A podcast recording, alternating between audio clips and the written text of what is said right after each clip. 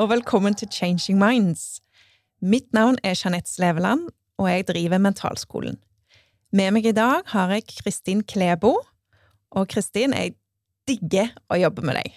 Jeg digger å jobbe med deg òg, Jeanette, og jeg digger å få være med på akkurat denne episoden av podkasten vår, når vi skal snakke om det å være stuck. For det her er et tema som ligger mitt hjerte nært. Både fordi at jeg har kjent på det sjøl, og fordi at det er så mange som kommer til meg som kjenner på nettopp denne følelsen av å være stuck. Så det var jo veien min inn i eh, coachingbransjen. Den Ja. gang da. Ja, fortell. Ja, nei, det var Jeg var leder og hadde eh, masse folk som mm, jobbet for meg, og jeg trivdes ikke lenger. Jeg hadde nok ikke satt det ordet på det sjøl, egentlig, men jeg var generelt litt sånn misfornøyd.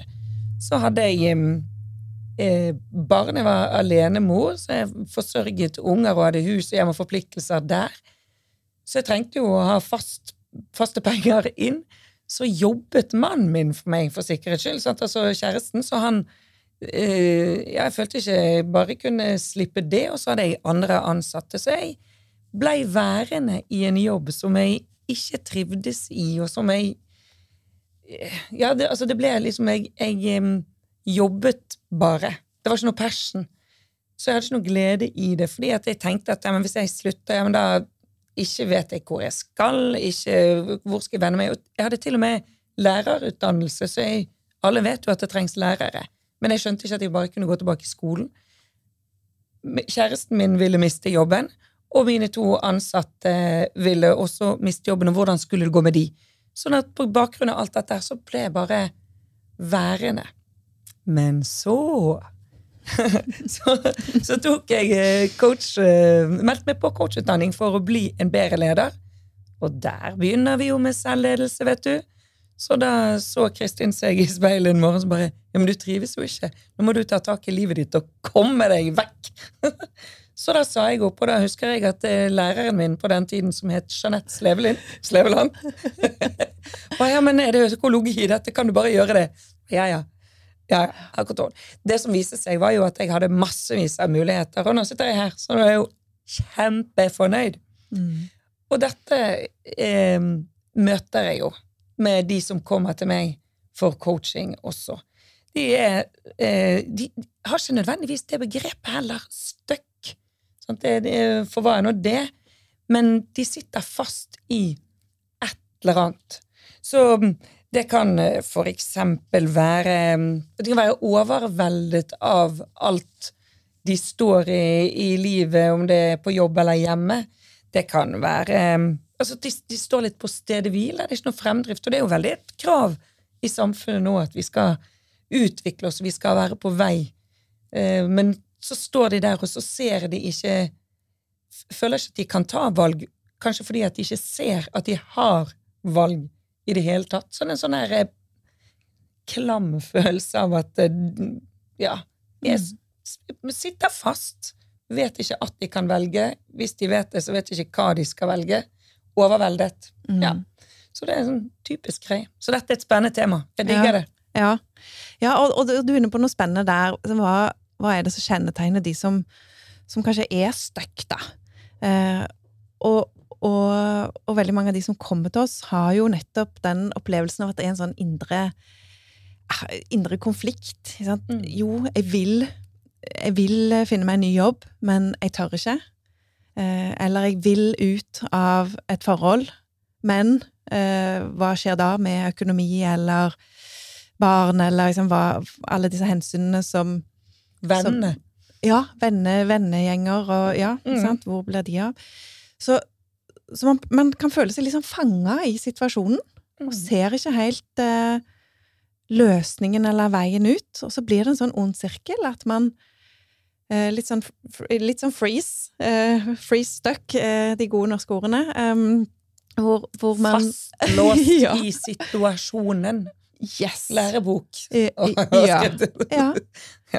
Um, og, så, blir man bare ja, overvelda av den situasjonen, og så istedenfor da å, å begynne å utforske muligheter og, og se på hvordan kommer jeg ut, så, så ja, lukker man heller litt øynene, kanskje pynter litt på fasaden, eh, tenker at hvis jeg bare eh, Og så finner man kanskje sånn andre måter som man tror skal gjøre at livet blir bedre på, mens man innerst inne kanskje vet eh, hva som Hvor, hvor eh, Hvor det trykker, ja. Ja. ja.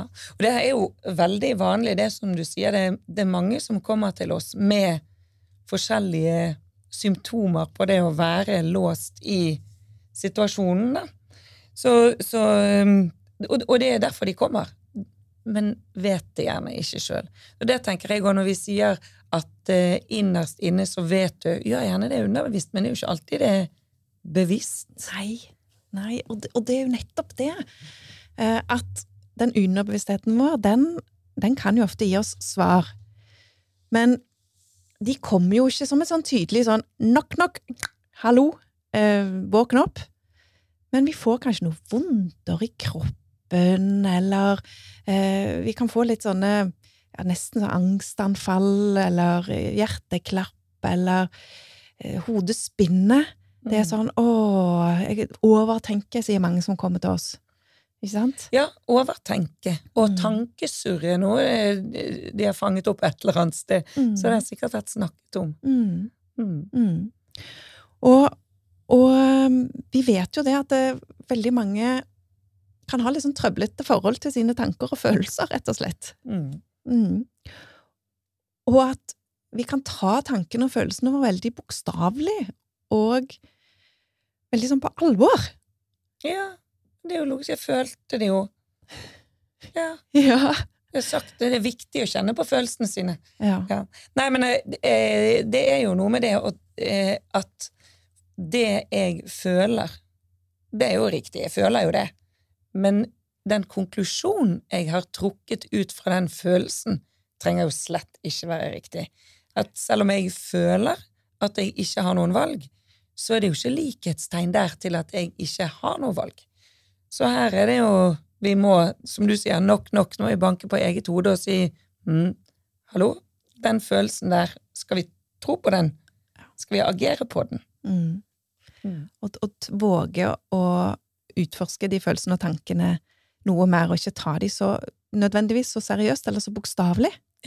Mm. Det at jeg er redd, betyr ikke at det er noe at jeg står overfor en reell fare.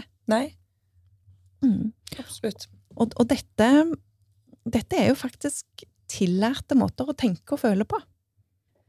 Martin Seligman, som er grunnleggeren av den positive psykologien, han kaller jo dette for tillært hjelpeløshet, eller tillært håpløshet. Mm.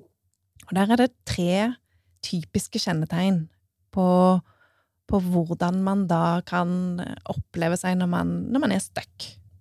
Mm. Og den ene av de er at det blir veldig omfattende. Så hvis jeg da ikke mm, trives i jobben min, så, så er det ikke bare jobben min jeg opplever at jeg er stuck, men da står jeg fast på alle områder av livet. Når ikke jeg trives i jobben, så blir jeg misfornøyd med eh, hjem, på hjemmebane, som går utover eh, parforhold og barn.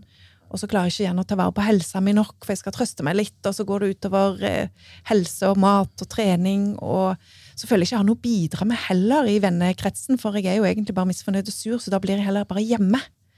At det blir veldig svært. Altomfattende. Mm. Mm. Et annet kjennetegn er jo at det, at det blir Man kan tenke at det, sånn kommer det alltid til å være. Så det at jeg ikke trives i jobben nå, det må jeg bare Jeg kommer aldri til å trives i jobben, jeg. Mm, Det kjenner jeg det igjen. Og det var litt sånn der Å, dette er slitsomt, men det er jo sånn det er å gå på jobb. Jeg må bare Ja, jeg bare akseptert at sånn. Sånn Mm. var livet. Mm, Sånn skal det være. mm, ja. Og den tredje tingen er jo at, det, at, det, at vi gjerne tar det litt sånn personlig. At det handler om oss. Eh, eller det handler om meg, da, som menneske. At det handler om at jeg ikke er god nok, at jeg ikke har det som skal til, at, det- at, at det er veldig sånn En straff, kanskje. Ja. At, at jeg straffes eh, av et eller annet utenfor meg sjøl, og det er grunnen til at jeg ikke eh, kommer meg videre. Mm. Mm.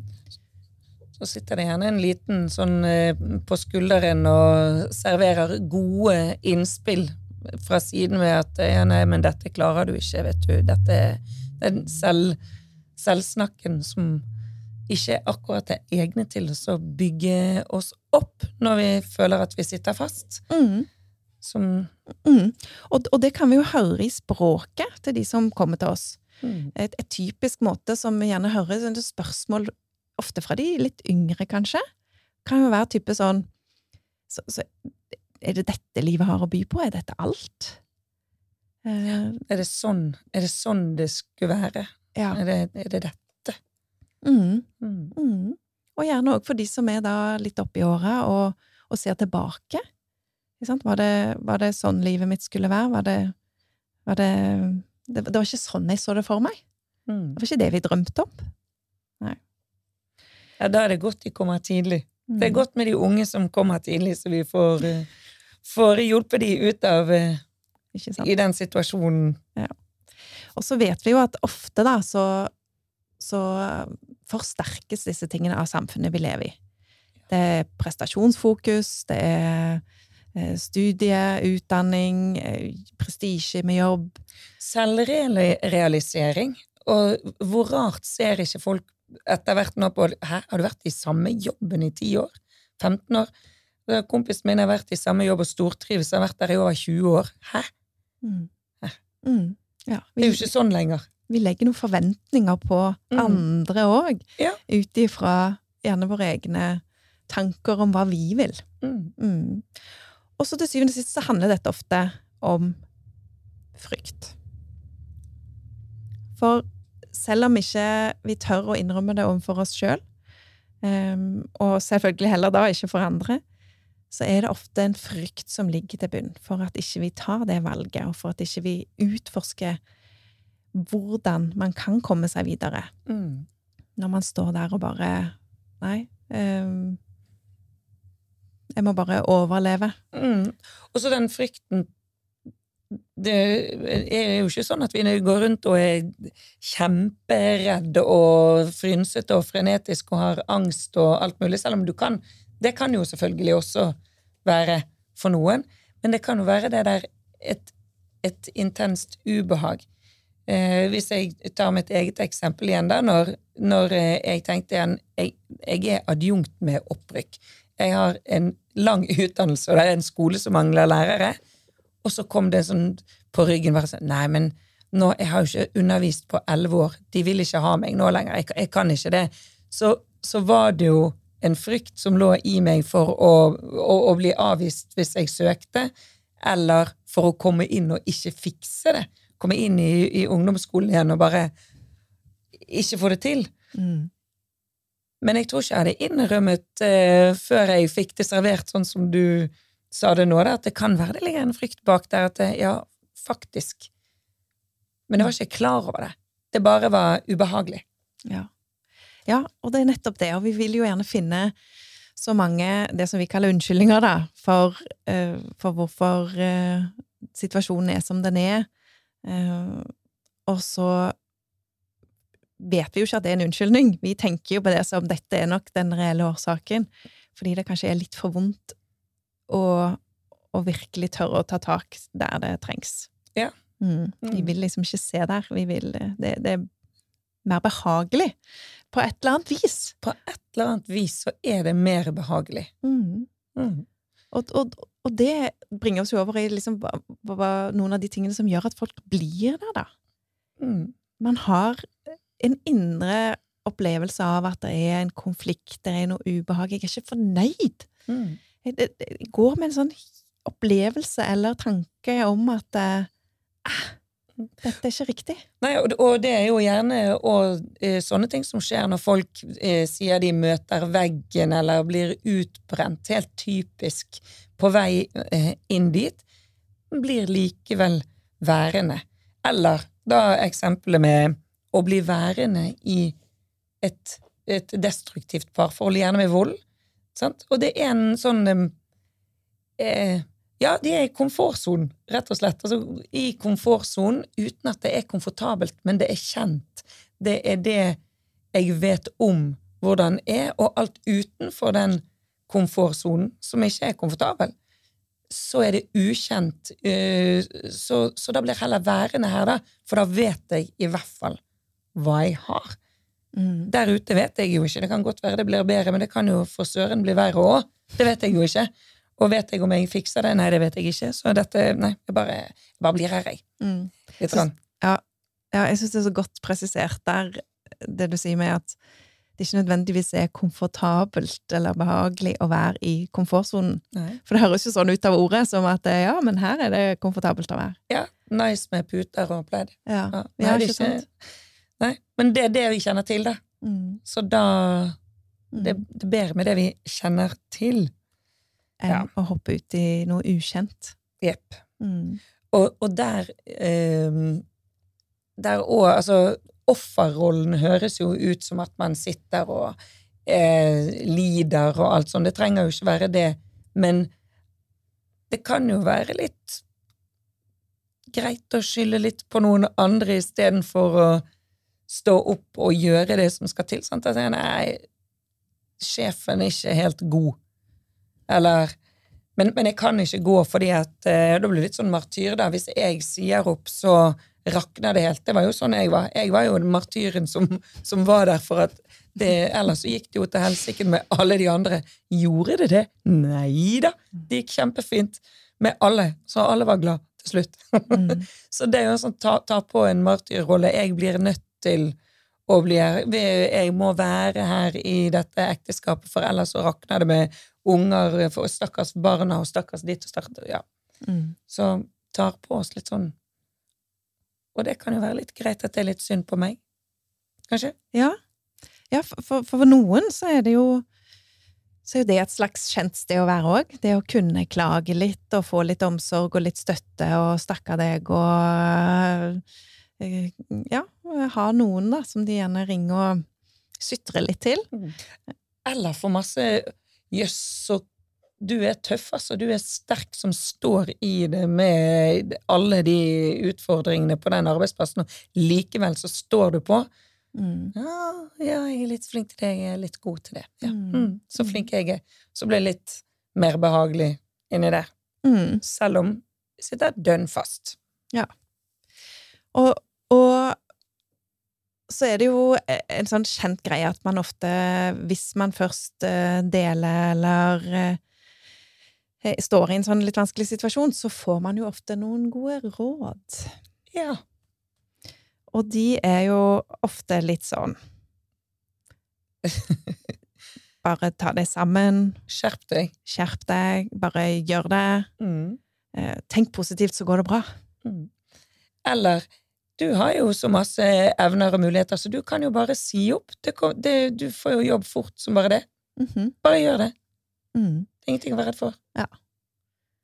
Så, så litt i der eh, Kan vi kalle det en myte? At eh, det er bare å skjerpe seg. Det er bare å ta seg sjøl i nakkeskinnet, og så, og så eh, kommer man ut av det å være stuck. Mm.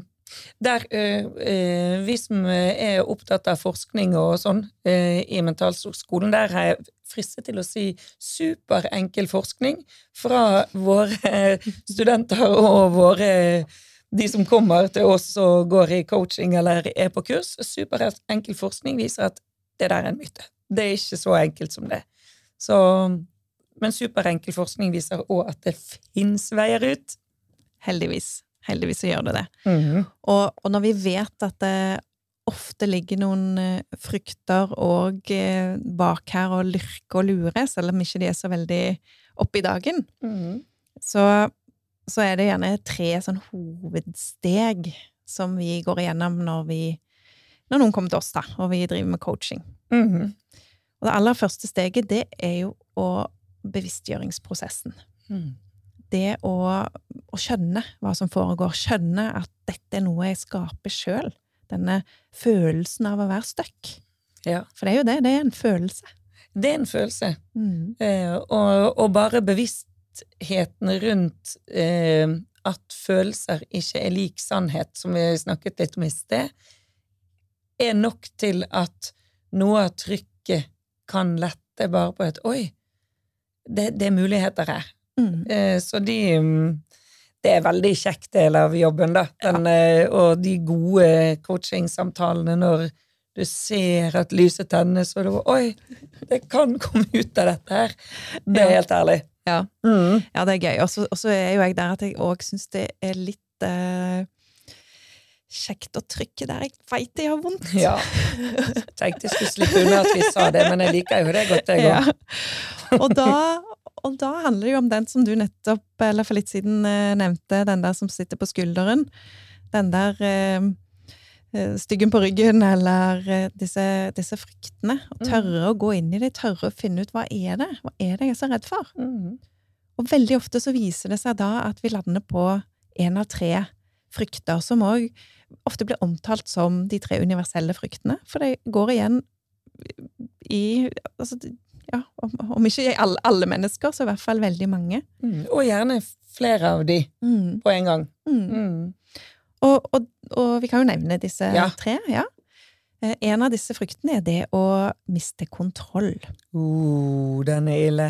Den, og den er så spennende, fordi vi har jo ofte en sånn illusjon om at vi har kontroll på veldig mye mer enn det vi har kontroll over. Mm. Vi tror jo at vi kan kontrollere andres følelser og tanker, og hvordan andre har det, og, og hva som skjer eh, ute, ute rundt oss. Altså bare helt eh, eh, Ja, helt eh, Ting som er helt utenfor vår kontroll som mennesker.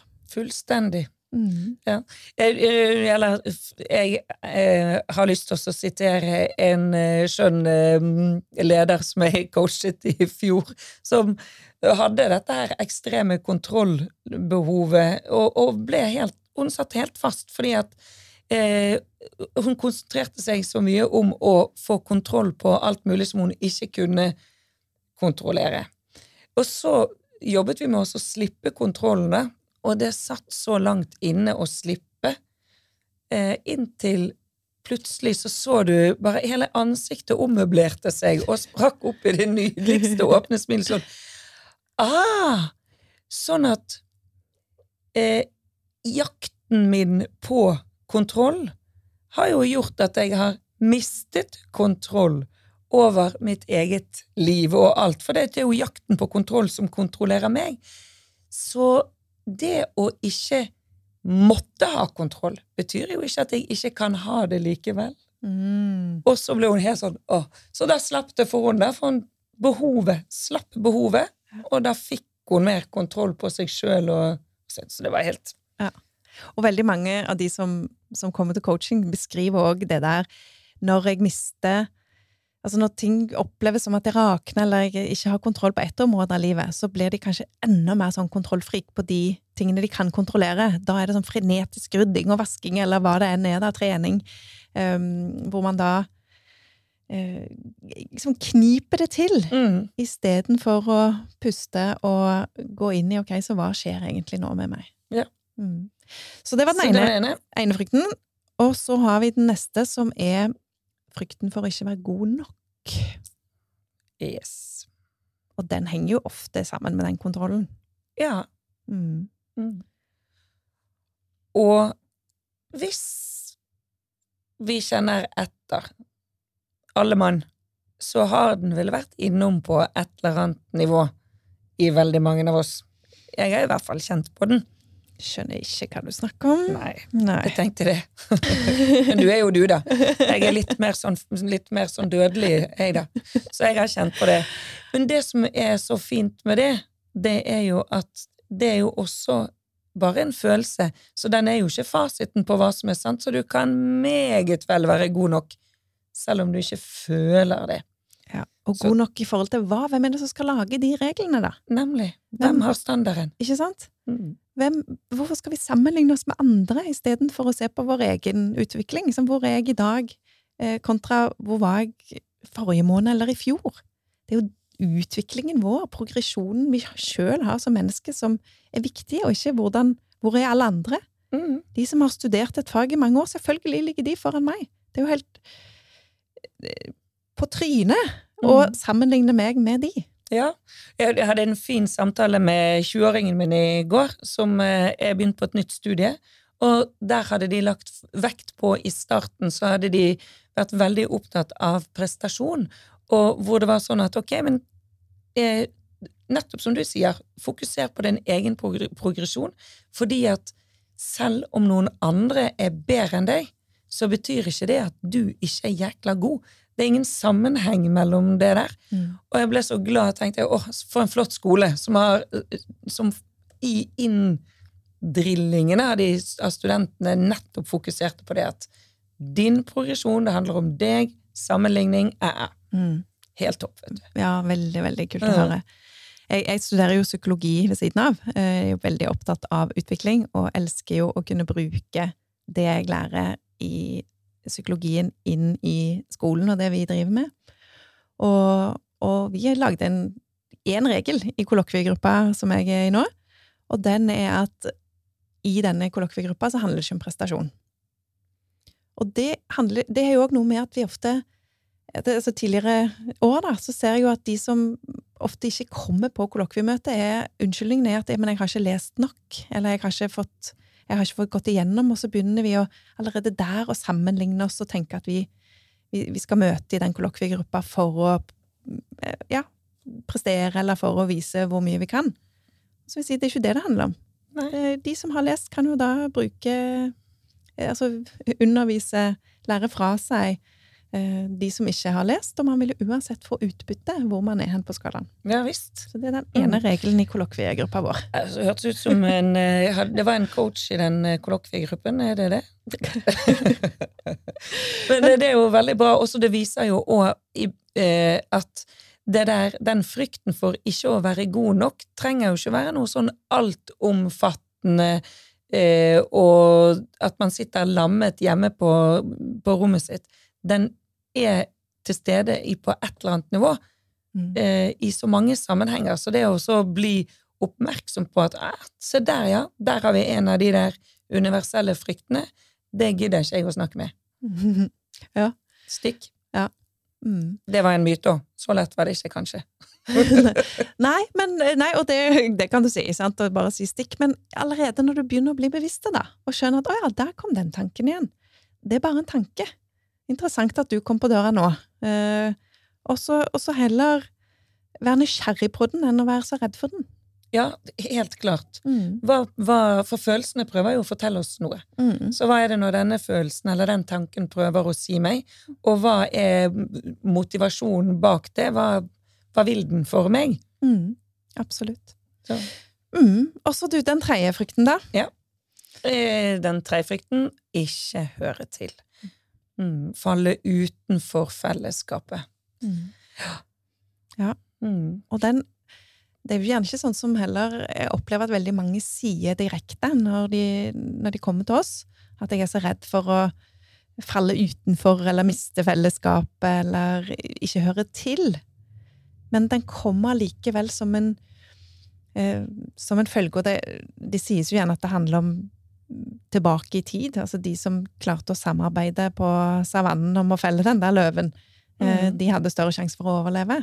Helt klart. Enn de som uh, sto helt for seg sjøl. Så det handler jo om at vi er skrudd inn, kan vi si på det, eh, skrudd inn på det å høre til. Mm. Det å være en del av noe, mm. med noen.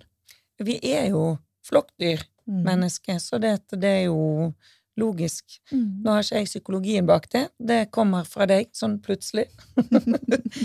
så, så, Men den dukker jo opp i, i, i um, Ja, for eksempel Nei, men hvis Altså, jeg kan ikke slutte her, for dette der mister jeg jo de kollegene og det fellesskapet som jeg har der. Eh, hvis jeg bryter ut av det ekteskapet, så mine venner, hans venner, svigerfamilien min som jeg er så glad i. Sant? Der kommer jo noen logiske konsekvenser av å bevege seg videre, mm. som da vi kan velge fordi det ligger en sånn frykten for ikke å høre til, eller frykten for å gå ut av det fellesskapet, mm. holder oss ubevisst. Mm.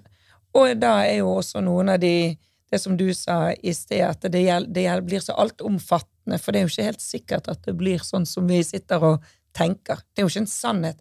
Selv om jeg tenker at eh, hvis eh, jeg bytter jobb, så vil de aldri snakke med meg mer, Mm. så er det jo ikke nødvendig at det er sant. Nei. Nei. Så du, for å, for å hente oss litt inn igjen her. Mm. Vi, vi er på veien ut av eh, det å være, føle seg stuck, Yes. og hvordan vi jobber med det.